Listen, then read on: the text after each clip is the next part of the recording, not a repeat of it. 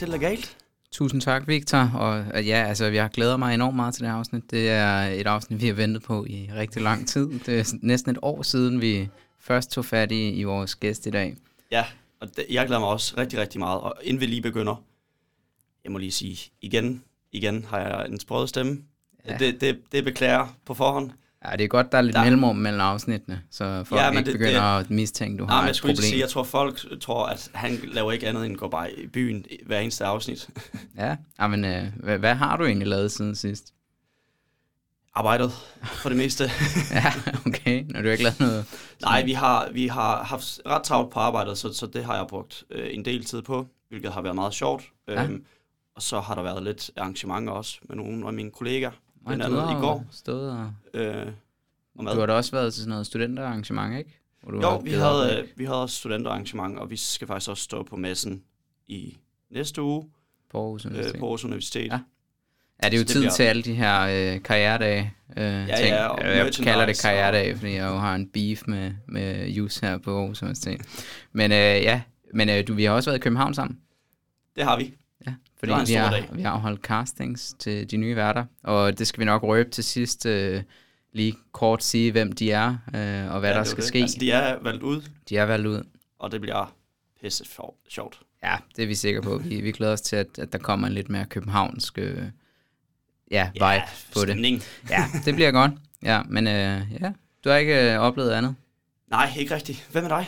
Jamen, jeg har oplevet enormt meget. Jeg har blevet kan jur, og jeg fik også sådan et brev her for nylig fra, fra EU, ja, har jeg lyst til det. at sige. Uh, ja, så jeg skal være praktikant. Jeg flytter til Bruxelles her om en, en lille du, uges Du tager den store flytning, altså os andre, vi tog bare sådan 200 km væk hjemmefra ja. øh, fra ens forældre.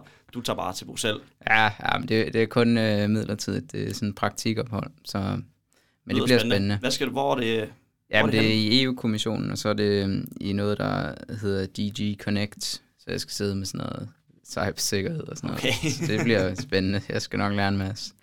Ja. Ej, hvor fedt. Det bliver godt for dig, Frederik. Ja, jeg glæder mig også enormt meget. Men øh, vi, skal jo, øh, vi skal lige have nogle lækkerier, inden vi kommer til dagens gæst. jeg har jo fundet, øh, jeg ved ikke, om du har fundet nogle lækkerier den her gang? Jeg, jeg kan ikke kunne finde noget. Nej. Der må jeg gerne lige være ærlig og sige, jeg har scrollet og scrollet, og der kom simpelthen ikke nogen lækkeri op. jeg vil også sige, at, at jeg, jeg ved ikke, jeg har en lækkeri, og så, så resten det knytter sig til dagens tema, fordi det har jo virkelig været nogle historier. Men øh, jeg, jeg fandt sådan en dame, der havde, hun var gået viralt med nogle karrieretips. Til, hun var lige blevet færdig med sin karriere, og nu ja. gav hun nogle tips til de unge. Og du kan jo lige få dem, og så kan du se, om du kan leve op til dem. Man skal undgå unødigt pres, og husk, at der også er en dag i morgen. Ja. Så skal du arbejde med noget, du er passioneret omkring. Det føler jeg, du gør. Okay så skal du øh, sige ja til nye muligheder, fordi man fortryder oftere et nej end et ja. Okay. Ja, det var lige et uh, livsråd ja. der. øh, og så skal man tænke på modgang som uvær, fordi at det går over igen, ligesom når der kommer en storm, der hedder Otto, så går den også over igen. Det var nogle gode råd. Ja, og det sidste er, at øh, når du oplever noget godt, så skal du huske øh, at bruge tid på at fejre det. Og, og det gode er, at vi er færdige med, eller det er jo ikke godt, men, men vi har vi har sidste afsnit, så jeg har taget noget med, at vi lige, vi lige også kan åbne. Ja, det er altså, øh, Frederik sidder med en, hvad er det, halvanden liters øh, værdig. Så må vi håbe, der kommer lyd på her. Yes, ja. det gjorde der. Godt. Og vi skænker selvfølgelig til vores gæster også øh, her lige om, om to sekunder. Men, øh, ja. Og som du sagde, det er fordi, det er vores sidste afsnit. Ja. Og i øh, den forbindelse har vi også nogle rigtig vigtige gæster med. Ja. Øh, der kommer med et meget vigtigt og øh, fedt budskab og øh, meget og, og inden vi, moderne budskab. Inden vi kommer til det, så vil jeg gerne lige spørge dig om noget. Fordi der er jo sådan en ting, der hedder... Eller jeg vil ikke introducere, jeg vil bare spørge dig. Du skal tænke på det først. Du skal sige det først, du tænker på, når jeg siger... Tør, tør vi det? Advokat. papir. Okay, satans. når jeg siger sygeplejerske. Nå, jeg ved, nu ved jeg, hvor oh, du okay, okay. Jeg, jeg prøvede at fange dig ja, der, ja, om du nej. var men jeg, om der jeg var kan bias. Godt se, hvad, hvad, hvad ja, du men, med, øh, men, men det er fordi, der er rigtig meget bias omkring ja. de her titler, og direktør også. Ja. Og det er der også oftest en grund til, fordi der er en repræsentation. Men, øh, men den sidste ting, jeg lige fandt på LinkedIn, det er en historie, der er gået viral omkring øh, øh, menneskerettighedsdomstolen, at øh, Danmark lige havde glemt at lige få, øh, få ja, ja. sendt en, øh, en kvindelig ansøger også. ja. øh, og det er jo meget godt i tråd. Øh, det er så blevet en kvinde, det er blevet Anne-Louise Bormann, som er blevet den nye dommer, danske dommer ved EMD. Øh, og det bliver bare fandme fedt, mand. Hun er pissegod. Men øh, vi skal videre til dagens gæst. Og det skal vi. Og øh, velkommen til, til jer, kvindelige jurister, tak, foreningen. Og tak. Og øh, vil I ikke lige introducere jer selv? Hvem I er, og, og hvad laver I? Jo, øh, jeg hedder Nynne, og jeg er 24 år, og, øh, og stifter af kvindelige jurister på Københavns Universitet, som ja. er en øh, studenterforening. Og øh, ja, så det er simpelthen derfor, vi er her i dag. Ja. Mm. Jeg hedder Katrine, og jeg er også 24 år, og jeg er støttemedlemsansvarlig øh, i kvindelige jurister, og så er jeg på min bachelor, ja. Tak.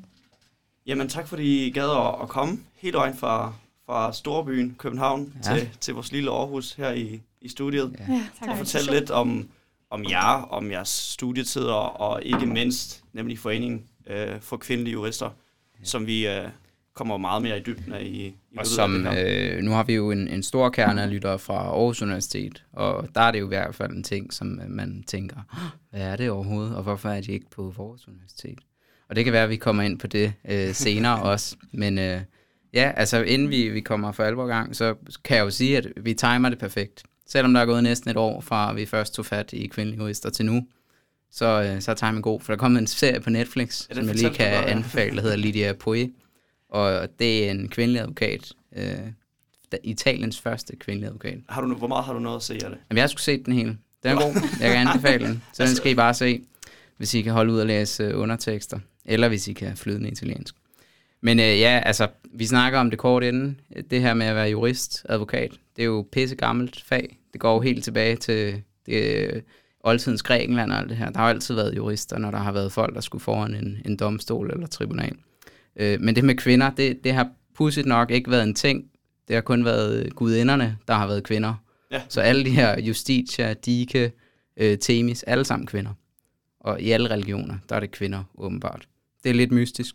Men hvornår kunne en kvinde rent faktisk først blive uddannet? Det varierer lidt, fordi det har også været et fag, hvor man ikke skulle bruge en uddannelse i rigtig lang tid. Så der er nogle kvinder, der er sådan noget i 1500-tallet, hvor man siger, de er jurister. Men okay. der har været rigtig meget modgang, fordi mænd har ligesom tænkt, nej, fandme nej.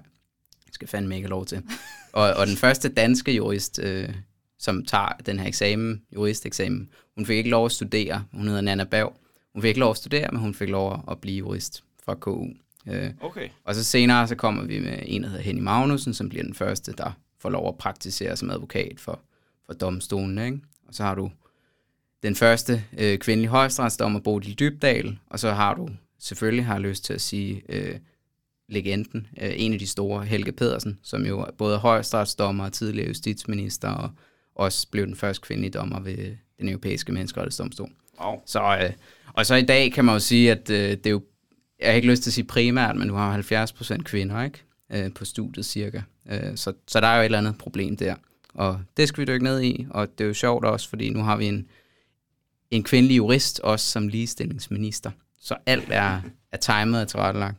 Så, men vil I ikke fortælle lidt om kvindelige jurister? Hvad er det for en forening, øh, jo, som I har? meget gerne. Øh, vi er i hvert fald rigtig taknemmelige for at være her i dag, og lige at kunne sætte lidt ord på det. Yeah. Jeg tror, øh, helt grundlæggende så øh, startede kvindelige jurister tilbage i 2020, og vi blev stiftet ja, på baggrund af både den her øh, faktisk Sofie Lindes tale til Zulu Comedy Gala, øh, ikke så meget den her krænkelsesdel, men med i forhold til sådan ligestilling, øh, hvordan det egentlig lige stod til øh, i mange forskellige brancher på daværende tidspunkt. Ikke? Ja. Øh, så det sådan, gav mig lidt en lyst til at undersøge, øh, ja, hvad for nogle fremtidsudsigter havde jeg øh, ja. for det fag, jeg skulle til at uddanne mig indenfor. Ja. Hvad for nogle muligheder ville jeg få, når jeg var færdiguddannet? Der kunne jeg godt se, okay, jeg skal nok, øh, jeg skal nok kæmpe lidt mere end min, min mandlige medstuderende, hvis jeg mm. ønsker at, at måske at besætte en, en ledende stilling på et tidspunkt. Øhm, så det synes jeg var ret sådan i øjenfaldende. Øhm, og så, ja, så det var egentlig sådan lidt den sådan helt grundlæggende, tror jeg, årsag egentlig af nysgerrighed omkring det. Øhm, ja. At jeg var meget nysgerrig på, hvordan det lige stod til i branchen. Så øh, det gav mig, ja, gav mig lyst til at lige at undersøge det. Mm. Og hvordan, hvordan landede ja. I på navnet?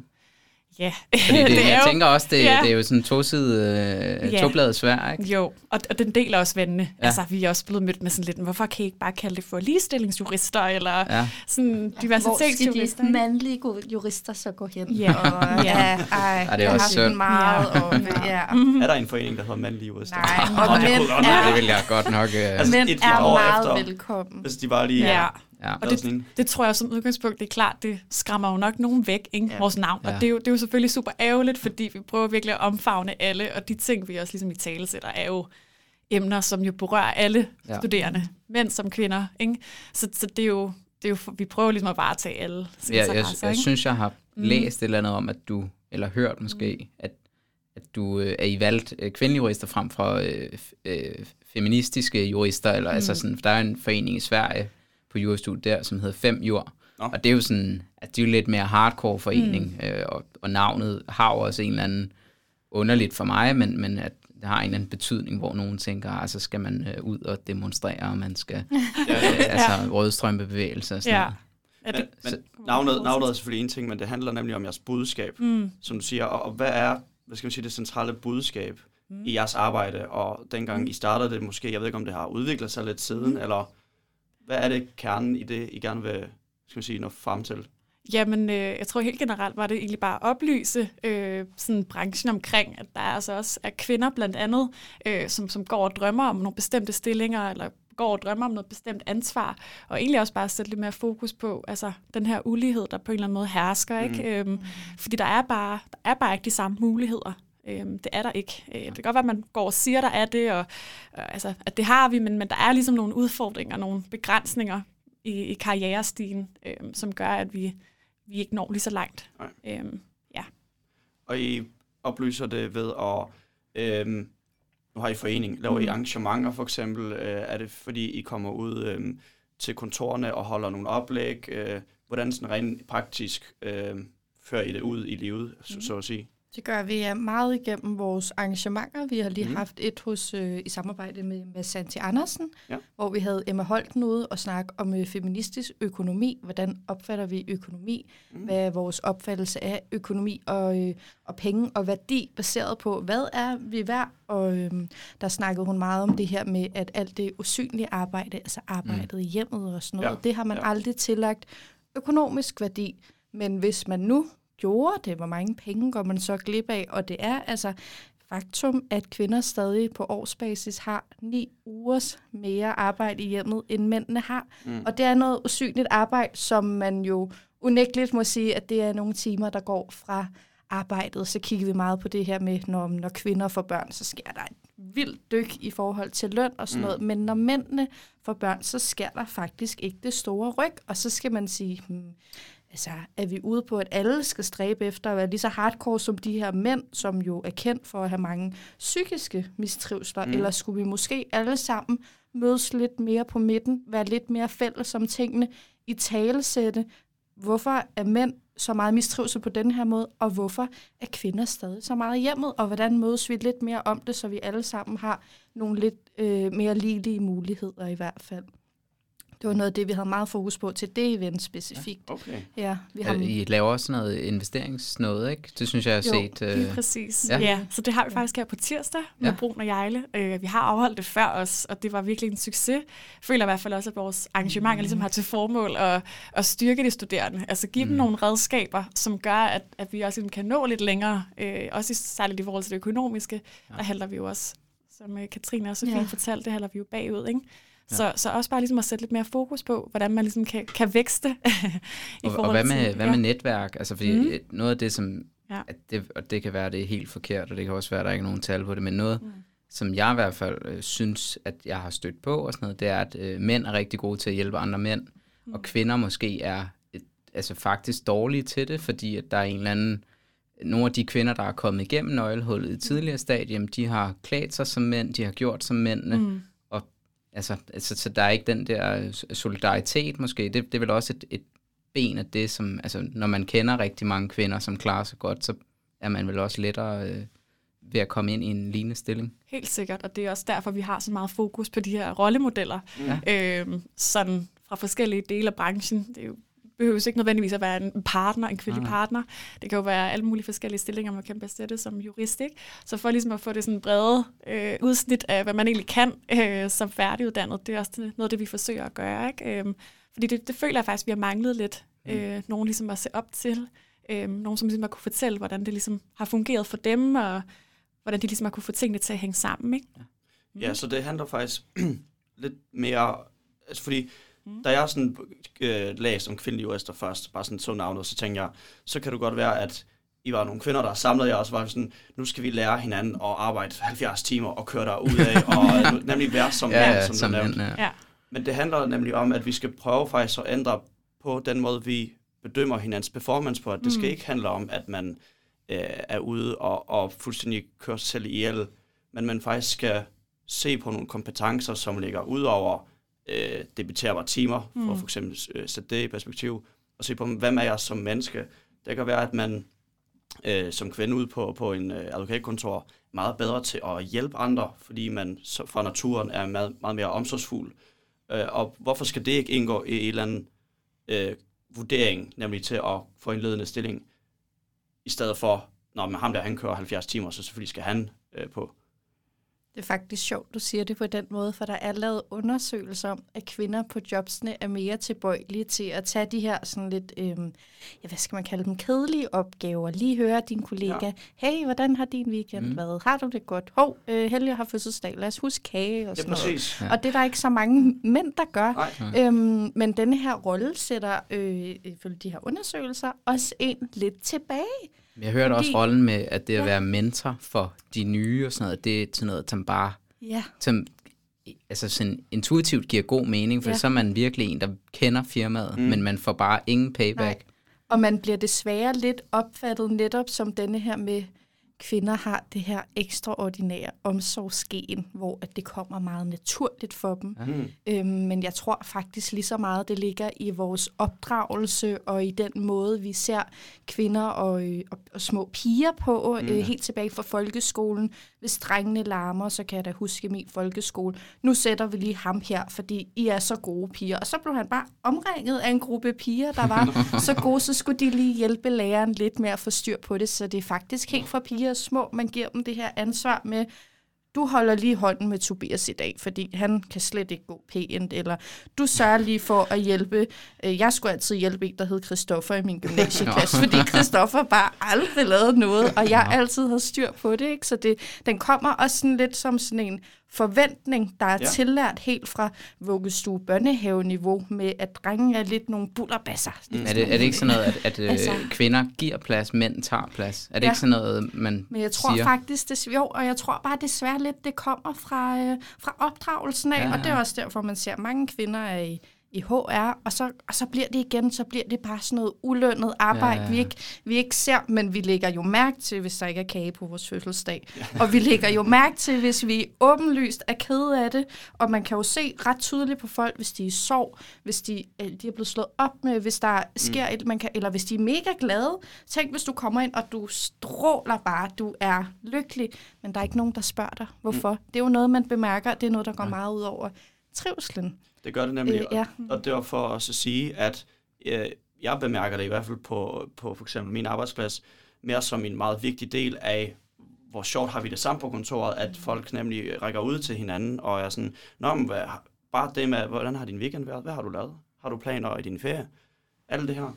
Øh, mm. Og, og det er altså, du har fuldstændig ret, det er sjældent, at, at jeg står ved kaffemaskinen og er den første, der kigger på og tænker, hvad har du lavet i din weekend? Fordi jeg tænker sådan, Nå, men jeg skal lige have min kaffe, så skal jeg altså tilbage til computeren.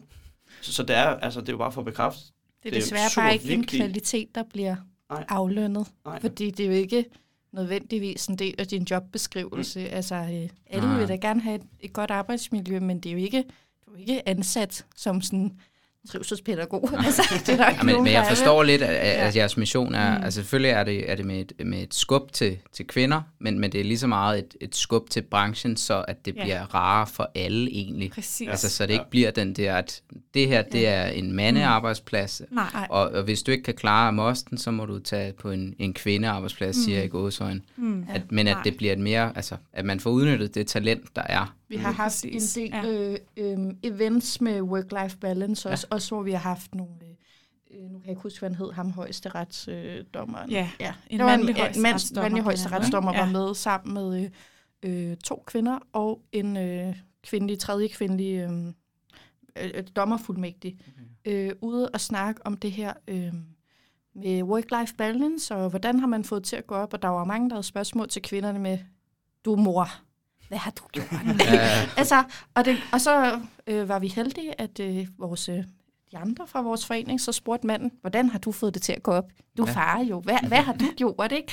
Altså ligesom, øh, der er nogle af de her spørgsmål, jeg tror, hvis man vender dem om, så kan man også få det ud af mændene og sige, nå, det er måske ikke så fedt at arbejde 70 timer om ugen Nej. altid, vel? Nej. Nej. Og der er jo også bare et skift, altså, og det tænker vi kan komme lidt ind på, hvordan ja. det egentlig står til, fordi at 2020, det er der, hvor I ligesom kommer igennem. Øh, så er der selvfølgelig en pandemi og sådan noget, som, som lidt... Øh, ja, men, men I havde ja. en, en god... Altså, der virkelig opbakning. Altså, jeg kunne se, kvindelige jurister var overalt. Altså, det var sådan, man tænkte, åh oh, nej, kan der overhovedet eksistere andre studenterforeninger nu? øh, jeg sad som formand i Else Danmark der, og var sådan, åh ja. oh, nej, åh oh, nej. Ja. men men at, at der var der virkelig gang i den, og, og, altså, og det virker som om alle øh, de store advokatkontorer og generelt branchen har har lyst til at, at arbejde mere, og, mm. og de siger jo en masse gode ting og sådan noget, men altså, er der, har I set en eller anden udvikling andet end bare ord? Altså, jeg synes egentlig, vi har, vi har set en udvikling. Øh, jeg føler også, at der er nogle advokatkontorer, der ligesom er gået forrest i forhold til de her ting. Øh, blandt andet inden den øremærkede barsel, øh, der havde vi allerede Brun og Jejle for eksempel, der gik foran resten af branchen og fik, hvad kan man sige, de her rettigheder indført for inden mm. det egentlig blev kan man sige, lovligt, eller det, det skulle lovreguleres. Ikke? Så, så jo, der, der sker der helt sikkert noget. Vi rykker os på det, synes jeg. Og, og det kan man sige, det er virksomheden jo også ligesom blevet tvunget til nu, mm. øh, at indføre det her selvfølgelig. Øh, så, så jeg tænker i hvert fald i forhold til, til barslen, at det kommer til at, at præge branchen noget mere, vi kommer til at se. Det kan man sige, det er, det er jo noget, der er en ja. fordel for, for altså i, i kvalitet er det ja. en fordel for mænd, men i løn er det måske en fordel for kvinder, fordi præcis. det bliver mere ligeligt. Ikke? Lige præcis. Det vil også, det vil også altid sværest at have den første i gang. Altså, det, var, ja. det må være længst tid om at skubbe til den første, men mm. så er det mm. snart en, ligesom tager fan og siger, nu gør vi det her. Så følger de andre med, nemlig Præcis. også at tvang, men så indser de ja. forhåbentlig hen ad vejen, at sådan, det er også en god idé. Det er det. Ja. Jeg synes også, undersøgelser viser os ret tit, altså at at far, så har han faktisk ikke fået den barsel, eller så har han i hvert fald ikke taget den mm. barsel, mm. han faktisk Nej. gerne vil. Vel? Nej. Så man kan sige, nu er der også, altså, der bliver skubbet lidt på, kan mm. man sige, ikke? Øh, og det bliver jo normaliseret, at det, det skal ja. man bare gøre. Øh, det bliver ja. sådan en naturlig del af processen. Ikke? Så jeg tænker også, at det kommer også forhåbentlig til at gavne rigtig mange børn, og ja. ikke? at far han er mere, øh, far ja. er mere til stede nu. Ikke? Ja, Nej. Øh, og det er jo enormt forskelligt, hvordan folk har gjort det tidligere, og det er jo selvfølgelig også helt i orden. Ja. Jeg synes bare, at det, jeg synes bare, det er rigtig mange gode ting med sig. Det er en god mm. ting. er, der, er der andre sådan ting, fordi nu, altså nu stødte jeg på, øh, da vi forberedte, nu, vi måtte være bedre forberedt i dag, fordi sidst, der, der missede vi ud på at overhovedet vide, hvor mange følgere vores gæst havde. Så, men at, øh, at der stødte jeg på en rapport, øh, som var lavet, øh, om at det vil tage øh, 35 år, før der er balance mellem mænd og kvinder i, i det øverste lag i advokatbranchen, inden, inden for de store advokathus. Ikke? Og det kan man skulle sige, det, det er ikke... Øh, altså, jeg har lagt mærke til, at der er rigtig mange kvinder, der bliver udnævnt som partnere de seneste ja. år, også øh, managing partner og sådan noget ja. i de store... Men procentdelen vi, virker til at blive meget det samme, som det har været hele tiden. Ja, og og vi har ikke rykket os. Altså ja. ikke i 15 år. Nu fandt jeg her for nylig, jeg blev sådan lidt sur, fordi jeg, jeg læste en, en artikel på internettet, som, som viste, at vi var faktisk akkurat lige så langt i dag, som vi var for 15 år siden. Jeg tror, den var, var 2008 eller sådan noget, den der artikel. Ikke? Og så skrev jeg et LinkedIn-opslag, hvor jeg var sådan, kan det virkelig passe, at vi ikke har rykket os øh, i så lang tid? Og det, og det kan det desværre godt. Øh, men, ja. men jeg synes i hvert fald, jeg, jeg, jeg synes, jeg er blevet mere håbefuld okay. de sidste par år. Jeg synes, det bliver taget alvorligt, kan man sige. Øh, og, og grunden til, vi hele tiden jo også i tale sætter det her med, hvorfor skal vi overhovedet have, have ligestilling og kønsdiversitet og sådan noget. Det er jo ikke kun for, kan man sige, at gavne os, det er jo også for virksomheden. Ikke? Altså, det ja. viser sig jo, at, at det jo har en enorm gavnlig effekt, sådan rent ja. økonomisk. Det viser sig på virksomhedens bundlinje, at, at desto mere divers en ledelse en virksomhed har, desto større øh, økonomisk gevinst er der også. Så, så der er jo ikke rigtig noget, der sådan på det punkt, kan man sige, kunne tale imod øh, og, og sørge for, at man ligesom fik fremmet øh, flest mulige menneskers øh, mm. muligheder, vel? Men øh, ja, så det er sådan, ja, det er sådan lidt, Ja, jeg tror i hvert fald, at... Ja, det går lidt langsomt. Det går lidt langsomt, ja. Jamen, der er, altså, der var, ja. du skulle have været med til det, fortalte mig, men der var der i hvert fald her for nylig, hvor Jeff Advokat og Karno og sådan noget holdt et arrangement omkring Jamen, tabuer. tabuerne ja. øh, og tidsforandringer. Og der, der studser jeg altså over, fordi nu siger du det her med diversitet, og der er jo også meget mere end bare kønsdiversitet, altså inden for mænd og kvinder, og så selvfølgelig andre, men at, at der, der stødte jeg bare på, jeg synes, det var ret underholdende, fordi de havde delt... Øh, de havde lavet sådan et opslag, hvor der var en, der havde i talt, at det kun var hvide mænd og hvide ja, kvinder. Ja. og det havde de så, så delt, sådan en repost. Nå, og det synes ja. jeg bare var... Altså det var også sigende, fordi det, at man tager en kamp ad gangen, ikke? Ja. Øh, og, og selvfølgelig skulle det gerne være en kamp om, om flere ting, men, men jeg tror også, vi har bare svært ved at mm. holde fokus på altså, mm. så mange ting, fordi hvis du så du skal diversificere et sted, så skal du også gøre det her og der og alle vegne, og Ja. Altså, hvor divers skal man egentlig være, ikke? Ja. ja, jeg tror nemlig nogle gange, så drukner det lidt i ja. den her med, åh, det er sådan noget krænkelseshalløj mm, igen. Ja. Eller, mm-hmm. Altså, nogle gange, så, så, så, så drukner lidt øh, alle de gode ting i, at det bare er sådan, åh, skal vi nu igen? Og, mm. og der er ja. også mange, der meget fejlagtigt tror, at Danmark er Altså, ja. vi, vi har ligestilling, og så ja. glemmer de lidt, at på den der World Economic List, der er lavet, der ligger vi altså nummer 32. Der ja. er, er mange lande, hvor man tænker, og Hvorfor vi ligger endnu værre, når det gælder kvinder i chefstol, ja, ligger vi nummer det, 95. Ja, det er virkelig, altså, og, vi ikke, og så kan man øh, sige, at nogle gange, så vil folk gerne sammenligne os med Sverige og sådan noget, og de er bare nærmest i top 5, ikke? Altså, så, Om alle de andre de nordiske lande ja, ligger de i ligger top 5. nemlig i top 5, så det, altså, det er sådan, vi kan ikke sammenligne os med de andre i Norden, for vi er der bare ikke. Altså. Ja. Jamen, vi ligger på, på den der, den første, hvor vi ligger nummer 32, mm. det, det er jo... Øh, øh, det er jo lavere end Rwanda. Ja. Og der, der tænkte jeg over, at det var ret fedt for dem, der så, øh, når nu der kommer en nye øh, asylcenter, ja. øh, så, så får de jo i det mindste bedre ligestilling ja. der, end hvis de var kommet til Danmark. Øh, så det er jo et positivt, ja. man kan prøve ja. at, at tænke på den måde, trods alt. Øh. Ja. Men det er, jo, altså, ja. det er jo bare et kæmpe problem, at man har den der. Altså, det, det kan også irritere mig nogle gange, at, mm. at, vi bilder os selv ind, vi er, oh, vi er så gode. Mm. Ja. Men så tallene viser noget andet, og så bliver det sådan en altså det bliver en hæmning for at gøre noget. Ja.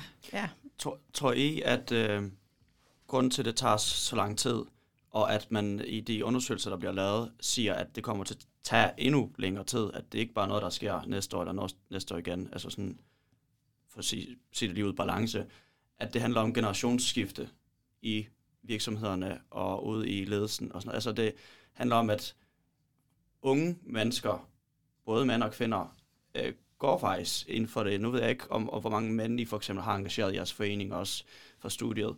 Øhm, men jeg kunne bare forestille mig, hvad jeg lige kan mærke på min omgangskreds, og folk, der er yngre end mig, de går altså også op i det her. Men at dem, der er på øh, ledelsesniveau og regeringsniveau, og dem, der faktisk styrer tingene øh, stadigvæk, som også gjorde for 15 år siden, og som måske også kommer til at gøre de næste 10 år, fordi der går tid før de går på pension, at, øh, at det er derfor, Nej, undskyld. Øh, hvad? Jeg sagde, at de skal lige dø først. Vi er faktisk blevet spurgt om nogle gange også, hvordan vi egentlig havde det med det. Sådan, venter I så bare til, til, til resten af, af, af, af uddødet, skulle jeg til at sige. Om at på et tidspunkt ja. bør det jo være sådan, at, ja. at, at, øh, for der kommer flere og flere kvinder på uddannelsen, så på et eller andet tidspunkt kan man jo ikke undgå, for ellers så kan du ikke det have nok partnere. Altså, altså, jeg tror også, det handler om, jeg læste øhm, en bog af Ditlo Tam, noget juridisk et eller andet. Jeg kan ikke lige huske, hvad den hedder Øhm, og den er måske fem år gammel, hvor han skrev, at øh, andelen af advokater i Danmark, der var det cirka en 8. del kun, der var kvinder. Mm. Så jeg tror også, det er vigtigt at huske på, at selvom næsten 70 procent af studierne er kvinder, så er det som om, og det har vi også snakket lidt om internt, mm, hvad sker der mellem, at man er færdiguddannet jurist, til man bliver advokat? Mm. Hvorfor er der mange, der fravælger det? Er det fordi, at advokatbranchen, altså selve værvet ikke er særlig attraktivt? Mm. Eller er der nogle andre sådan lidt usynlige faktorer, vi lige skal ind og snakke lidt om? Mm. Hvorfor tiltaler det mere mænd end kvinder at blive øh, advokater? Mm. Og så har vi også snakket meget om det der med generationsskifte. altså, der er jo øh, ja. der er ikke så mange år siden, vi var på Sprogø, og altså, der er nogle lidt vilde ting. Øhm, og så tror jeg ikke, man må være blind for, at der er mange unge, der støtter det. Jeg har altså også fået at vide fra en fra mit hold, at kvinder, de var bare for virksomheder mindre værd, så længe de gerne vil have børn og okay. blive gravide. Og hvis de gerne vil have samme mulighed som mænd, så måtte de fravælge at få børn. Han kunne godt få børn, men jeg skulle ikke have børn, hvis jeg gerne ville være på samme niveau. Så skal jeg nok ikke have det med dig det, i hvert fald. Nej, det, vi blev, øh, det var lidt det, det var det var en sjov pause, altså, man sige. Ja. Der er bare nogen, der stadig har de her lidt... Hmm ekstreme holdninger, hvor ja. at, jeg også hørt en sidde og praise Andrew Tate, mens jeg sad og prøvede at læse. Jeg tænkte, hvad snakker du om? Altså, det, det er også irriterende, når man er på, på læsesalen. Ja. Altså et larm, larm er generelt irriterende, så er også en, der sidder og, og kører noget. Jeg troede, han var sådan lidt øh, ja. i spjældet nu, hvor sådan lidt øh, bag, han også, bag ja, øh, lukkede døre, skulle jeg ja. sige. Det kan jo være svært at forstå, hvad menneskehandel er. Ja, det er Men altså, man må bare ikke være blind for, at jeg tror også, det er vigtigt, at mange øh, mænd, jo mere de i tale sætter det sådan privat, eller hvis øh, nogen siger de her sindssyge holdninger, som jeg jo personligt synes, det er i hvert fald, mm. at man så siger, ah, hvad, ven, måske det også kunne være godt for os, fordi sådan, sådan, eller ja. måske sådan, altså, jeg tror, jo mere man i tale sætter det, jo mere taler man også ned, også over for ens forældre, altså mm. mine forældre, de får altså, der skal vi slet ikke. Der er jeg går lige flæsket på dem, hvis de begynder på et eller andet. Fordi jeg tror, det er vigtigt, at man også får den her snak for generationer, for vi må ikke være blinde for, nej, nej. at vores forældres generation nu er kommet meget op i ledelseslagene, men de har altså mange år tilbage på det arbejdsmarked. Mm. Ja. Altså, Jamen det, og grunden til, at jeg, ja. jeg, jeg, jeg, jeg øh, oplevede op for det, det er jo fordi, mm. at, tilbage til det, du sagde for eksempel, at det handlede meget om opdragelse for eksempel af, af unge kvinder, det med omsorgsgenet øh, at, at det nemlig, at generationsskiftet vil være godt, fordi at, at så er mændene også samtidig blevet opdraget nok til at være den lederen eller et eller andet, og, og det er derfor, at man, hvad skal man sige, det er måske ikke engang, fordi de ikke vil, dem der er på, på lederstillinger, ikke vil lave noget om det, men deres, i deres naturopdragelse ligger det bare i, at når man, det har været helt så normalt for mig, at jeg skulle være lederen, fordi det, jeg blev opdraget til, det har været forventet af mig, så meget som, at det blev altid forventet og opdraget kvinderne til, at de skulle have omsorgsgenet. Øh, at så tænker jeg så, det her generationsskifte, når vi nemlig unge på at gøre lidt op med det, at så kommer det til nogle år før, at vi er dem, der opdrager. Men føler du dig ikke også, altså nu, nu prøver jeg lige at udfordre lidt, fordi det jeg tænker, det er også, hvis man får muligheden, så føler man sig vel også berettiget til at få altså den magt. Altså jeg tænker bare, hvis, altså, mm. hvis du er inde i det her med, hvordan mænd, og det tror jeg stadig, det er jo det samme. Det er jo, samme, de, altså, det er jo ikke lang mm. tid siden, vi har gået i mm. gymnasie og skole, og det er jo de samme mønstre. Ja. Så, så jeg tænker ikke, at nødvendigvis, jeg, jeg, jeg er med på, hvad du siger med generations, mm. men jeg tænker, hvis du får en lederstilling, så er det jo ikke sådan, at du frasiger dig og siger, nej, øh, det synes jeg, det er bedre, hvis det er Nynne, der får den. Mm. Altså, det, det, det, oh, nej. det vil jo ikke ligge til særlig mange mennesker, men det er nok mere det der, du, altså, det jeg tænker, du er inde på, det er, at man skal have det store skift, og så kan folk måske bedre se. At... Ja, ja, men, men jeg tænker heller ikke, mm. at det skal gå ud på, at man, øh, nemlig der er nogen, der får tilbudt stillinger, og skal sige nej til det, fordi at man siger, jeg synes, at vedkommende nummer to, øh, ah, ved, ah, ah. Det, det skal handle om, at den, der får tilbudt stilling, er den rigtige. Altså, at, at, mm. at man får tilbudt stilling på baggrund af nogle objektive kvalifikationer, og derfor siger man ja til det, fordi man føler, at man er berettet til den her stilling. Så tror jeg bare, man skal huske også, at mange gange så bliver folk, især ledelseslag, valgt ud fra netryk. Ja, ja. Ham ja. der er en fed fyr. Ja. Hun er dygtig. Ja. Et eller andet. Så øh, mange gange så er folk sådan, altså det har jeg set mange kommentarer mm. på sociale medier om, ah, så må I være bedre kvalificeret, og kunne det overvejes, at man har primært valgt mænd i regeringen, fordi mm. de er bedst kvalificerede og sådan noget. Og altså undersøgelser viser bare, at de højest uddannede, det er, det altså kvinder. majoriteten er faktisk kvinder, så det er også en eller anden sådan, tankegang om, at vi ved, mænd ansætter mænd, kvinder ansætter kvinder. Mm. Er der flest mænd, er der flest mm. mænd, der bliver ansat. Er der flest mm. kvinder, er der faktisk flest kvinder, der bliver ansat. Så jo mere vi sådan udligner denne her, jo mere går vi også væk fra den der sådan lidt altså forkerte fortælling om, at mm.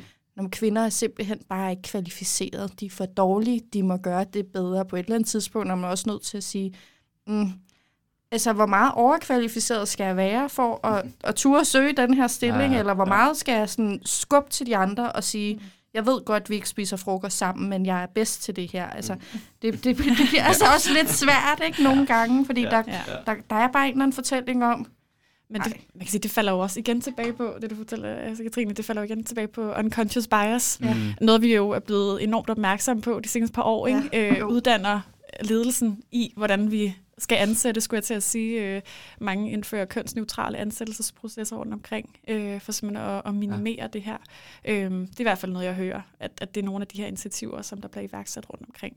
Så jeg tænker også, at, at desto mere opmærksom vi bliver på, på problemstillingen, desto, desto bedre øh, bliver det vel. Altså, tænker Men jeg, tænker I ikke også guldråden? Altså nu, nu var vi inde på barsel og sådan noget. Der er jo en guldråd for mænd. Mm. Altså hvis man skal altså i sidste ende, fordi nu, nu var jeg inde på det her med at afgive magt og sådan noget, det er jo også bare en, altså det er jo en meget menneskelig ting, at man, når man har magt, så vil man ikke afgive det, og jeg ved mm. godt, at man ikke så siger, ej, det skal jeg ikke have det job, det er ikke sådan, jeg mener, men det er mere, dem der sidder, når det nu er mænd, der ansætter mænd, jamen så, så kræver det jo også, at, at netop, at der kommer flere undersøgelser, der viser, det giver sgu mening at have kvinder ind, når man, altså nu er det 44 procent af alle store danske virksomheder, der ikke har en eneste kvinde i deres bestyrelser, at det er jo på papiret, det er jo en dårlig forretning for mm. dem alle sammen. Mm. Men hvis de nu åbnede op og fik en, så kunne de se, om hun var god. Altså det, du, altså, det er jo det der med, at man... Altså, monkey uh, do what man, monkey see. at det at blive forfremmet af et privilegie, ja. eller er det en rettighed? Mm. Har jeg ret til at blive forfremmet, eller er jeg privilegeret at blive forfremmet? Fordi det er jo klart, at hvis du står med magten i din hånd, det er da svært at sige, så, så tag den. Så, så deler vi den. Altså, det er da ikke alle, der har lyst til det, vel? Men Ej, det... altså, det gavner jo på den, på den lange bane. Altså, så kunne man sige, det vil øh, gavne kvinder på den ene måde, og det kunne måske øh, gøre lidt op med nogle af de her øh, mentale trivselsproblemer, vi har med Men den eneste, jeg kan, nu, nu tænker jeg på et øh, eksempel, der har været ja. for nylig med magt og opgive mm. det. Det var så en kvinde, der gjorde det, men det var New Zealands premierminister, ja. Jacinda Ardern. Det så jeg også godt. Det så jeg også godt, at, ja. at, at, det var jo, altså, nu siger jeg, altså, det tror jeg simpelthen aldrig vil ske, hvis det var en mand. Altså, Nej. det, det i hvert fald ikke endnu. Nej. Måske om, om 10 år, ikke? Men, men det var, hun fik øh, rigtig mange positive kommentarer om, hun fik at, også mange at man turde at sige, ja, ja, men jeg tænker mere på, at jeg synes, det er stort, at man, at, vi som leder af, af et land, og det er mand eller kvinde, det er lige meget, at man kan komme frem til at sige, jeg er træt, jeg er stresset, jeg, jeg føler ikke, at jeg kan bidrage positivt de næste fire år. Det er bedre, hvis, hvis jeg trækker mig. Det er da stort, ja. lige meget hvad. Så, så øh, jeg så i hvert fald meget positivt om, omkring det. Ja, men det så også, men der var også altså, hurtigt nogen, der bare var sådan, ah, ja, hun, det skal man ikke, hvis man er leder, så må man bide det sure i. Jeg tror omvendt også, at øh, Jakob Ellemann og, ja. øh, og, hvad hed ham fra SF? Der Jakob Mark. Ja, de har godt nok også fået mange klø. Det er næsten 100 mm. på. Altså, øh, mand der op, og øh, du kan da ikke blive stresset nu. Du har lige haft sommerferie. Altså, sådan noget. Så jeg tror måske, at øh, på kvinder, der kører man meget på, åh, du er også bare en kvinde, og du selvfølgelig kan du ikke det. Og på mænd, der bliver det lidt mere sådan...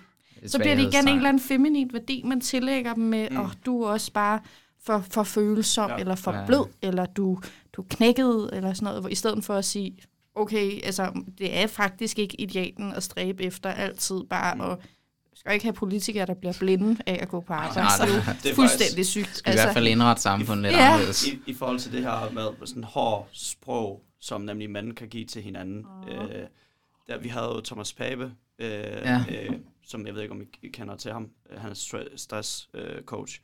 Og der snakkede vi nemlig, han prøvede at udfordre både Frederik og jeg lidt på, øh, hvordan har vi håndteret. Vi har jo begge to haft det lidt hårdt, det har nok alle på studiet på et eller andet tidspunkt, øh, hvor vi var for eksempel fuldstændig øh, forskellige. Jeg havde, øh, siden jeg startede på studiet, har haft en øh, to-do-list, som jeg altid kørt med sådan større opgaver, hvad jeg lige skal lave. Nummer et, der har altid stået, tag dig sammen. For eksempel. og, det var han, og det var han bare ikke fan af. Nej. For eksempel, fordi hver eneste gang, jeg nemlig tænkt, puha, nu, nu har jeg det hårdt, og mm. sk- ja, skal jeg ikke tage, tage en pause? Og så kigger jeg på den, og siger, nu tager du fandme sammen.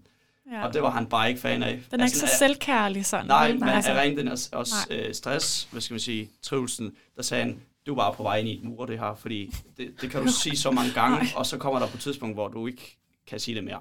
Nej. Øh, men det var for at sige, at det, det igen en bekræftende på, at selv over for mig selv kan jeg sidde og sige, at nu tager du lige sammen. Altså, ja, og skal ja. man tage sig sammen, eller skal man have en pause? Har ja, man ja, ja. virkelig bare brug for, altså, og det har selv. alle jo. Ja. ja. Ja. Pas på dig selv i stedet ja. for, ikke? Altså, ja. ja, eller det er jo nemmere sagt end gjort også, ikke? Ja. Det er klart. Jeg tror, alle, øh, øh, måske især på jurastudiet, er meget hårde mod sig selv. Mm. Altså, der er ja. et eller andet vanvittigt konkurrence. Ja, ja, det er der helt sikkert. Jamen, der er et eller andet underligt, der er et eller andet, men det er jo noget, der ja. er, altså, det er jo en spiral fra grundskole mm. til gymnasiet, mm. ja. altså, som, som er en, altså, det er jo det største problem for vores, altså, ja, nation ja. nærmest, altså hele generationen, der kommer nu, er, har det helvede til. Hvem kan løbe maratonet hurtigst? Altså, ja, ja. Og det er jo virkelig, mm. du brænder ud jo. Ja, altså. præcis. Men jeg vil godt vende tilbage til det her med, med ret og privilegie, som, som du lige øh, var inde på. Fordi øh, der er jo også de her, jeg ved ikke om det er undersøgelser, eller om det er bare ting, der, der bliver sagt, men, men når mænd ser en ansøgning, øh, så siger de jo, jeg tror det, hvis der er 10 punkter eller sådan noget, og så er de kun er kvalificeret til to, jamen så søger de alligevel, hvor kvinder, de skal jo op og ramme 8 eller sådan noget, før de søger. Altså der er en eller anden, øh, mænd har, og det kan jo være også noget opdragelse, men en eller anden indbygget øh, tro øh, på egne evner, hvor mm. kvinder er meget mere i hvert fald, jeg vil ikke sige realistiske, men i hvert fald vurderer sig selv til, til det min, øh, minimale måske. Mm. Det, det er vel også noget, som, altså hvis man tager det her med, det er en ret, altså, øh, og ikke et privilegie, for det er vel egentlig en ret, hvis du lægger de samme timer, eller øh, har de samme klienter, eller, altså, så, så det jo ikke mening, at der er nogen, der bliver forfremmet før dig. Nej. Men man skal vel også bede om det. Altså. Ja. Ja. Men hvor meget tør man optage andres tid og plads? Mm. Tør man godt sige, jeg er underkvalificeret. Men altså, jeg har ikke lyst til at spille din tid. Jeg har heller ikke mm. lyst til at spille min egen. Mm. Så skulle jeg måske mere øh, holde lidt tilbage. Og så søger jeg kun det, hvor jeg er sikker på, at der er jeg i hvert fald god nok til at søge, så jeg, mm. jeg spiller ikke nogens tid. Altså, mm. jeg er en værdig kandidat. Øh, og det er jo bare, hvor meget man tillægger det. Vi har også snakket lidt om det her nye øh, EU-direktiv, der kommer med, øh, med løngennemsigtighed, ja. at det også kommer til at betyde meget, fordi ja. der er jo også... Øh, det har de jo i Norge, ikke? Med, øh, ja, du, altså på EU-niveau tror jeg, det er det 13 procent øh, forskel ja. på lønniveau ikke? mellem mænd og kvinder for eksempel, ikke? inden for samme stilling. Ja. Ja, også bare blandt studjord. Der er altså også en procent forskel på, hvad, den, hvad ja, tjener mandlige studjord ja. og kvindelige studjord. Og det starter bare ja. tidligt. Ja. Desværre. Men det er noget, de har i, i Norge allerede, det der, ikke? Det mener jeg. Jo, altså, lige præcis. Ja. Øh, jeg tror faktisk også, sjovt nok, England også har det, okay. og der er nogle de andre... De har lige fået det i England i ja. hvert fald, om ja. ikke andet. Ja. Ja. Det, der, der har de jo nogle af de der konkrete i Norge, altså sådan noget som det, hvor alle kan se, og det er jo til gavn for alle selvfølgelig, men de har også det her med bestyrelsesposter, der skal være en vis procentdel og sådan noget. Præcis. Er, er det også noget, som... Altså, fordi nu, nu så ja. jeg en... Øh, en, en meningsdanner, som var ude og sige, at nu har hun ventet de sidste 15 år. Hun har nok også læst den samme rapport som dig. Ja. Og der sker ikke en skid. At, at hun har troet, der har også været tidligere topdirektør, kvindelige topdirektør, de har troet, at det vil løse sig selv, men de er kommet til den erkendelse, at der skal være kvoter, eller en eller andet krav om og, og der vil jeg sige, altså der har vi faktisk været helt ærlige fra starten, at, ja. det er vi er meget pro-kvoter, og ja. det er jo på den baggrund, at vi slet ikke har rykket os overhovedet. Og jeg kan også se nogle af de sådan, største kan man sige, erhvervsledere rundt omkring os, mænd, mandlige ledere, øh, jo også nu står frem og siger, at, at det er simpelthen der, vi er nået til nu. At vi er ja. simpelthen nødt til at, at få, ind, få det indført øh, rent juridisk set, øh, hvad det er for nogle måltal, for eksempel, vi skal nå. Man kan sige, ulempen ved, ved de her, øh, kan man sige, kvoteringer, som man også meget tit i tale sætter, synes jeg er, hvad, hvad er konsekvensen, hvis ikke mm. vi lever op til dem? Altså, hvad, hvad bliver sanktionen for et advokatkontor, for eksempel, hvis ikke de når den her fordeling i 2030. Mm. Og, sådan, og, og det har jeg også talt lidt med nogen om, og så sidder det egentlig tilbage og sådan lidt, ja, det, det har vi egentlig ikke lige overvejet, tror jeg. Øh, sådan, hvad skulle det egentlig være for en konsekvens øh, for virksomheden? Ikke? øh, så, så, så det er sådan Helst lidt... Ingen. ja, nej, nej, præcis. Så det er også sådan lidt, altså, man kan jo godt indføre det rent juridisk ja, ja. men, men hvad bliver sådan konsekvensen ved ikke at leve op til jeg det? Jeg kunne også godt tænke mig at måske udfordre det fra en anden konsekvenspunkt. Mm. Øhm, ved ikke lige, hvordan jeg skal formulere det, men øh, vil det nogle gange kunne betyde, at der er nogle kvinder, der bliver så valgt i bestyrelser, som øh, er næsten tvunget til det, fordi at nu skal vi have en, der siger et tænkscenarie. Der er ikke nogen, der gider, siger, vi gider ikke have den post der. Og så er vi, sådan, vi bliver nødt til at have dig med, fordi ellers så får vi nemlig en eller anden konsekvens, eller en bøde fra EU på flere millioner, eller et eller andet. Det den, kunne være for eksempel et scenarie, øh, eller så kunne Ja, lad os starte mm. der. Ja. Og man kan lige døde i mit eget spørgsmål. Ja, og det, man kan sige, det jo også en, en forfærdelig oplevelse sikkert. Øh, kunne jeg forestille mig ikke, at man, man står som, som arbejdsgiver i den situation, at, eller bare generelt at virksomheden gerne vil få frem en kvinde, øh, men hun faktisk ikke selv ønsker at, at tage imod den her forfremmelse. Mm. Det sker selvfølgelig også, øh, eller de har nogle andre tanker om, hvad det er for en vej, de gerne vil. Mm. Øh, jeg tror bare hovedproblemet ikke nødvendigvis ligger i det her, men at der bare generelt ikke forfremmes nogen kvinder. Mm, altså man kan jo ja. godt kigge på, på en virksomhed. Ikke? Nu ser jeg ret tit, altså nu er det ikke nogen hits against øh, nogen advokatkontorer, mm. men, men vi sender øh, links internt til hinanden øh, til artikler, der bliver udgivet på LinkedIn, og man kan se repræsentationen af de her øh, af forfremmelserne, hvem bliver repræsenteret det er bare sjældent øh, kvinder. Og øh, nogle gange så er jeg gået ind på advokat. Men er man er ikke mange af de dem, de selv lægger ud, så Nej. er det... Nå, for jeg synes ja. tit, man ser, ah, nu og fremhæver vi lige, og så kan man læse, øh, og desuden mm. var der mm. lige de her fem, der også lige blev partner. Ja, men hvis de laver billeder, det skal man nogle gange, så lægger Jamen, det er de dem, nogle jeg billeder så set, ja. ud. Og så, hvis ja. man kigger, så nogle gange, så står der 12 mennesker, og så er to kvinder, men resten er mænd.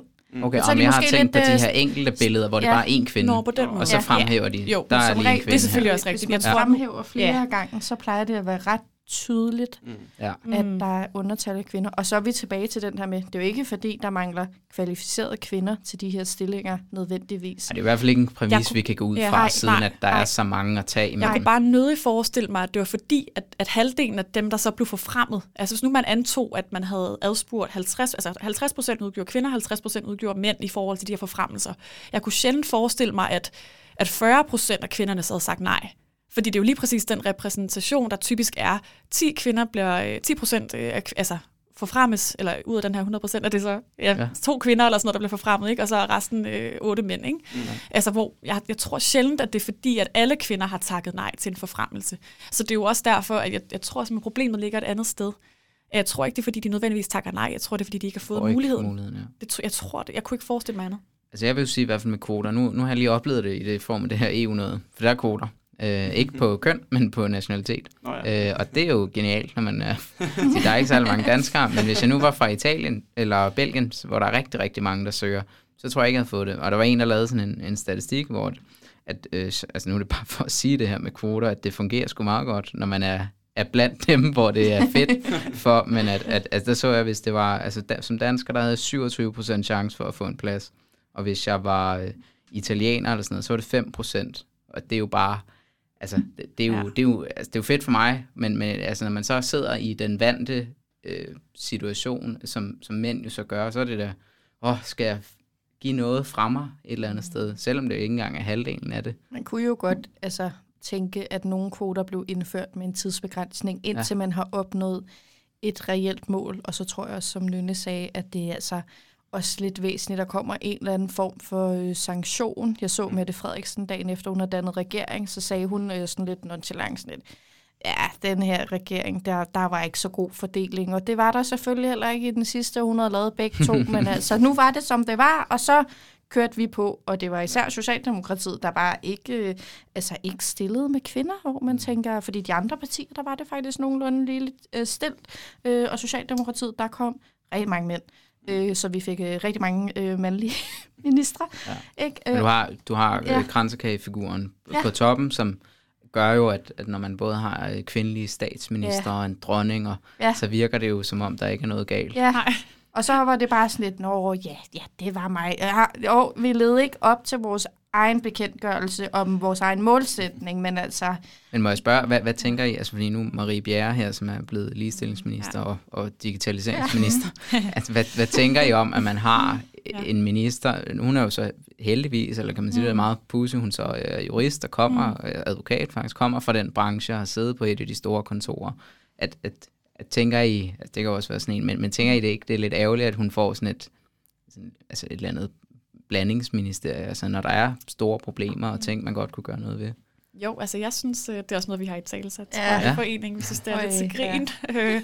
Stadig på en eller anden måde, at er den her sammenblanding af de der ministerier. Ikke? Fordi vi synes, det er så vigtigt øh, vigtig en kilde til vækst, altså at vi får forsikret den her ligestilling. Ikke? Ja. Så jeg synes virkelig, der er noget, der er virkelig meget talent, der går tabt i hvert fald. Ja. Vi øh, snakker om, det var ja, bedre med digitalisering end transport. Eller fiskeri. Altså, det ja. er nogle mærkelige blandinger. Det er ja. altså, Den finder aldrig sin plads, den Nej. der. Så, så må de jo oprette en ny. Ja, altså, en selvstændig, ja. ja. Ja. ja. Må jeg gerne udfordre lidt mere? Ja. Jeg kan godt lide at lege James advokat. ja. er målet 50-50 altid på, øh, hvad skal man sige, alle bestyrelser og generelt måske alle fag? Eller handler det om, lad os lige værdsætte de kvinder, der rent faktisk er kvalificeret til deres stillinger, for at sætte det på spidsen? Jeg tror, det handler om at komme en, øh, en grundlæggende sådan, systematisk problematik mm. til livs. Så ikke at sige, øh, vi værdsætter rigtig meget de kvinder, der virkelig, de har godt nok også taget... Øh, ja, jeg fik et holdninghjerte, og jeg var øh, jeg spiste to, det gjorde jeg.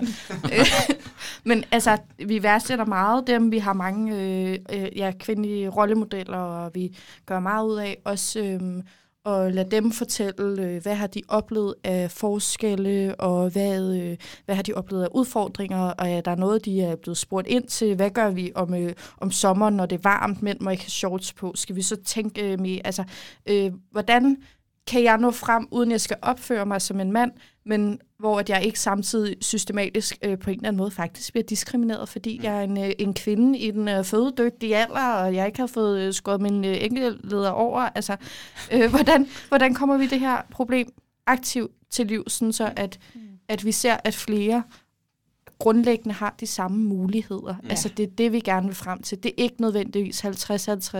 Det er bare vigtigt, at man har det samme udgangspunkt, og folk præcis. er opmærksomme på, at vi har det samme udgangspunkt. Så jeg ikke skal forhindres af, at jeg får en kæreste, og så lige pludselig har jeg et dobbeltarbejde derhjemme, mm. fordi jeg også skal gå og vaske hans tøj og rydde op efter ham, og, og han ikke tænker over det. Altså, og det er også lidt med at tage sådan nogle interne jeg håber øh, så ikke, du får problemer. Nej, det kommer ikke til at ske. Det gør det ikke. Jeg er meget stedig og sådan noget. Ja, men, men du har så ret, Katrine. Men der altså, er bare ja. nogen, der oplever det desværre, og jeg har oplevet det en gang, og han altså, øh, smækkede min hoveddør lige i hovedet på ham. Jeg var sådan, det gider jeg slet ikke.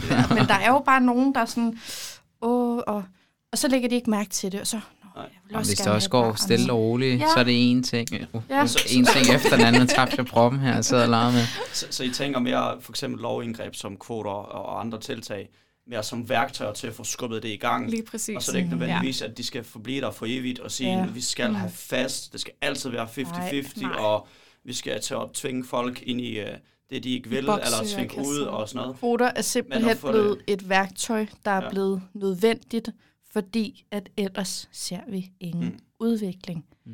Det er nødvendigt. Det er ja. omvendt også nødvendigt, at vi talsætter, at mænd altså godt kan være pædagoger, uden at de er altså pervers svage, seksuelt eller... orienteret, eller ja, ja. svage, eller, og mænd godt kan være lærer, uden at skulle være den hårde, og bussemanden, mm. og at mænd sagtens kan være sygeplejersker, lige så vel som kvinder kan være advokater, lige så vel som kvinder kan være politibetjente, fængselsbetjente og være direktører. Mm det er lidt for at komme den her sådan ubevidste bias ja. også mm. til livs, for at alle har lige rettigheder. For jeg tror heller ikke altid, det er sjovt at være en mandlig pædagog i en børnehave, okay. hvor man skal skifte blæer. Det tror jeg faktisk heller ikke altid er særlig sjovt. Vi er bare nødt til at finde nogle værktøjer til, hvordan kommer vi det her problem aktivt til livs. Ja. Så du har de samme muligheder. Og der, der var jo mm. den her Præcis. artikel øh, med, med en topchef, der havde skiftet køn. Ja. Dans. Ja. Det, det var jo, altså, mm. altså hvor øh, vedkommende udtalte ja, ja. om, at Ja, han havde, han havde, altså da, da, det er hun nu, hun, men, men ja. hun, da hun var mand, øh, havde aldrig oplevet, at, at der var nogle problemer, men lige pludselig så, altså hun, hun havde aldrig tænkt over det. Nej. Men nu kunne hun jo mærke det på egen krop, og ja. ligesom så de der ja. ting, og, og man kan så måske endda tillægge det endnu mere, når man så også tænker på, at man er man har skiftet køn. Ikke? ja. ja, ekstraordinært, ja. ja. ja. Altså, så bliver det bare en, en ekstra, og nu, altså, mm. så er der jo igen også, hvad, hvis man har en anden etnicitet, er det så et ekstra, altså man kender jo de her historier med, og, og det er jo også mm. bevist, at hvis man øh, laver en ansøgning, hvor man hedder Mohammed, kontra hvis man kalder sig Lars, jamen så, så, så skal man i hvert fald sende en del flere ansøgninger, hvis man hedder Mohammed, ikke? Mm. Så der er mange. Men, men det her med løn mm. gennemsigtigheden, det glæder jeg mig da også til, når mm. det det bliver da bare fedt. Så man yeah. sådan, nå okay. altså, og det er, jo, det er jo igen sådan en ting, som det er jo, det er jo godt for alle. Yeah. Altså, det er jo ikke... Øh, det, det er jo nemt at sælge. Nå, jamen, jeg vil da egentlig godt se, hvad fanden øh, de andre får, fordi altså, der er jo ikke nogen, der har lyst til at gå på arbejde og så tage færre penge med hjem end alle de andre. Det gør det altså også nemmere til jobsamtaler, altså ja. at vide, øh, kan jeg godt spørge ind til lønnen? Ja, mm. det kan du. Mm. Og du kan også godt sige til dine kollegaer, efter at have været der et år, så skal man ikke ud, altså nu der er det jo næsten sådan noget, pss, pss, hvad får du, og kan du lige fortælle mig din økonomiske... Der er også bare mange steder, hvor man slet ikke, hvor man slet ikke øh, ønsker, eller mm. prøver at få mere i løn. Ja. Det er jo så specielt kvinder, der mm. også bliver ramt der, men, ja. men at, fordi, når, altså nu, jeg, jeg, hvis man bliver op, ansat i det offentlige, men hvad fanden øh, skulle man egentlig gøre det for? Fordi ja. der er jo en, en mm. fin nok, altså, ja. Specielt inden for sådan en branche, hvor mm. der er en mm. okay løn, altså mm. så, nå, ja, så er det nok bare sådan, det er. Så om fire år, så kan man stige løn, og så er det det, ikke? Jeg tror altså også, det er meget grænseoverskridende for mange at gå og spørge folk ja. ind til deres økonomiske situation. Hvad får ja. du i løn, og ja. hvad sagde du til chefen, og hvordan har du fået det, ja. og altså, hvad, hvad har du gjort, ja. og Ja, og det Hvad gavner så, hvis du selv bliver afvist? Nej. Altså, og så får jeg at vide, nej, nå, så kan man ikke kvalificere så dårligt. ja, ja. Mm. ja. ja, ja det er virkelig vigtigt, og det er også blandt andet også noget det, vi også skal afholde her i, i foråret, mm. faktisk et arrangement om lønforhandling. Ja. Øh, simpelthen fordi igen at give de studerende værktøjerne til at, øh, ja, at kunne... Øh, Ture spørge. Gribe ja. sådan en situation an. Ja. Altså kaste sig ud i det. Og så tror jeg også nogle gange også bare at give nogen lidt sådan mod mm. til det. På en eller anden måde. Vi bakker hinanden op i, at, øh, at det skal vi da prøve på. Ja. Mm. Selvfølgelig. Og ja. det øh, bringer også lidt videre til, til vores spørgsmål også. Hvad, hvad er på tegnebrættet for øh, startet i 2020? I har mm. haft en rigtig god udvikling. Mm. Hvad, hvad skal der ske fremadrettet? Hvad er jeres plan? ja, det er et virkelig godt spørgsmål. Jeg tror at afholde nogle flere øh, sjove, øh, oplysende, øh, inspirerende arrangementer øh, med en masse fede rollemodeller, mm. tænker jeg i hvert fald som mm. udgangspunkt. Ikke? Vi har også været heldige at få øh, juridisk forening for SDU ragt ud til os, så dem har vi et event med på onsdag, hvor jeg og en anden... Dato, øh, øh præcis, og tid. Øh, ja, undskyld. den, her, den 22. Øh, må det være i anden, og så starter det 17.30 okay. nede på SDU, hvor jeg og øh, Karoline, som også er bestyrelsesmedlem i foreningen, skal ned og, øh, og sige hej, og mm. vi er for kvindelige jurister, og ja. vi har været med til at stable eventet på benet, for ligesom os, og at de vil gerne øh, komme ud med vores budskab også, ja. mm, men gennem os. Ikke? Altså, og det er vi jo selvfølgelig super glade for, at andre også har interesse for, øh, for de her kvindelige rollemodeller, vi har fundet, fordi det er virkelig noget, vi oplever rigtig positiv respons mm. på øh, ved vores arrangementer. Ja. ja. Så det er i hvert fald det, tror jeg. Ja. Og ja. hvad har vi ellers? Mere snak om penge, ja. Ja. ja.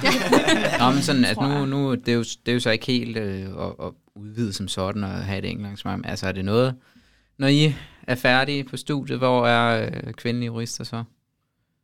Jeg tror, er det en lokalforening på KU, eller er det en landsdækkende? Er det en forening, der lever videre mm. uden jer?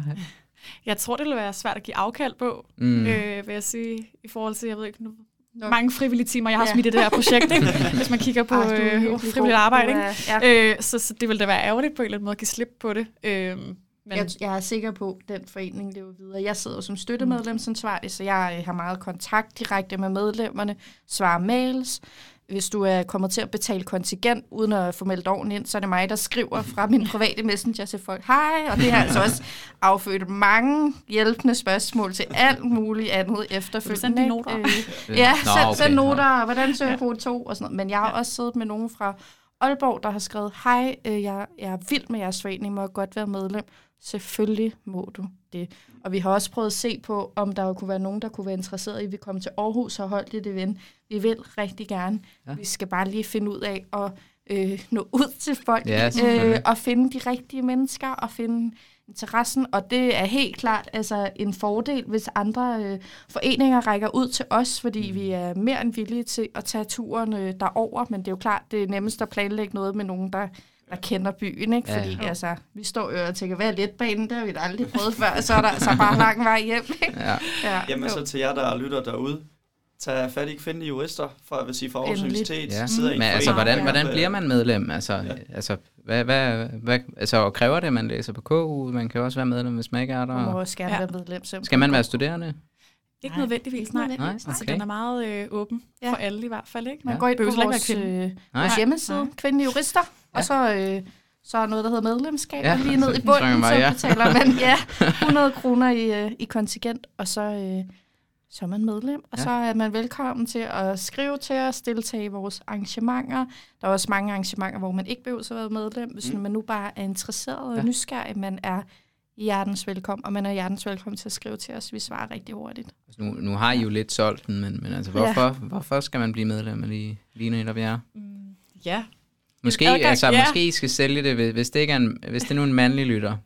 Ja, jeg kan faktisk afsløre, at vi faktisk har fået et, øh, et, en mandlig, fri, en frivillig, en mandlig frivillig, skulle jeg sige, øh, en mand i, i foreningen, øh, og, øh, og jeg tror egentlig sådan helt grundlæggende, hans øh, agenda med det her, øh, at være en del af vores forening, var egentlig bare at, tror jeg, at ja, at være lidt en del af den her nye generation, der skubber ja. lidt til nogle fede dagsordner. Ja. Så hvis man ønsker at være en del af det, så... Øh, For ligestilling gavner altså også mænd. Ikke? Der er mere barsel, og vi snakker masser om work-life balance, og også sådan, så de her mænd ikke bare går altså, blinde ind i branchen og bare støder hovedet mod muren, fordi at de bare altså, øh, presser sig selv alt for hårdt psykisk. Altså, der er også lige mm. kommet det her op i medierne med, at øh, der er en ret stor andel af mænd over 5-27, der ikke har nogen nære relationer, ja.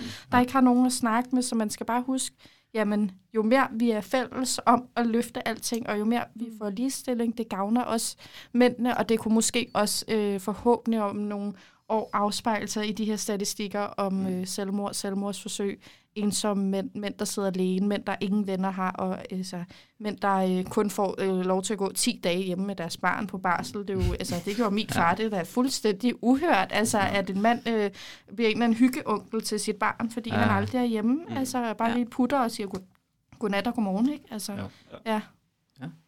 Ja, men øh, har, har du flere spørgsmål, øh, Victor?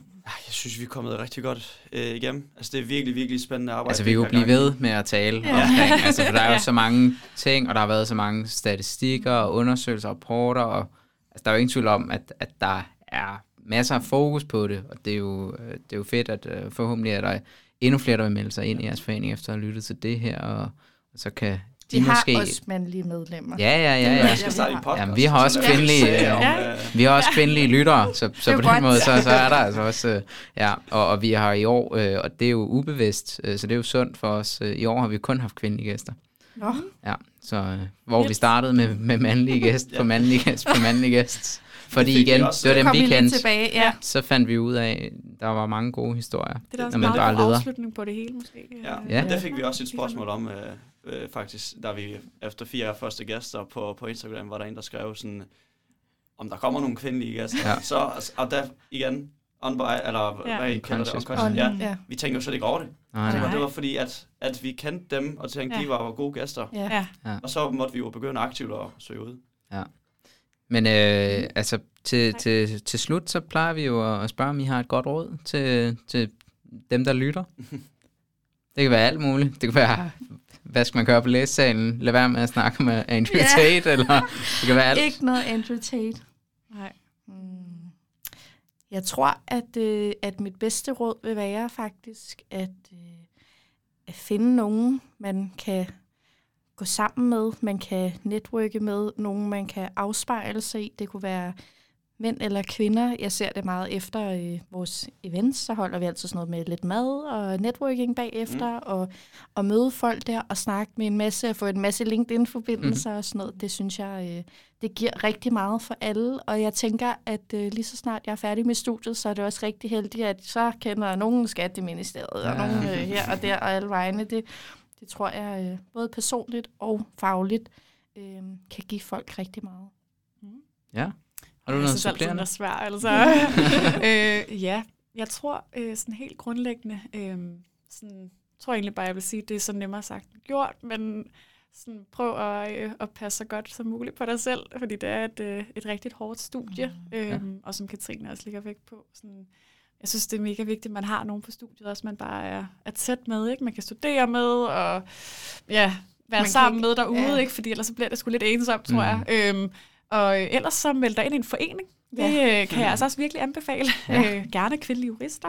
Ja. øhm, så, øh, så ja, prøv at opsøge det i hvert fald. Øh, Foreningslivet giver, Foreningslivet giver rigtig meget. meget. Ja. Ja.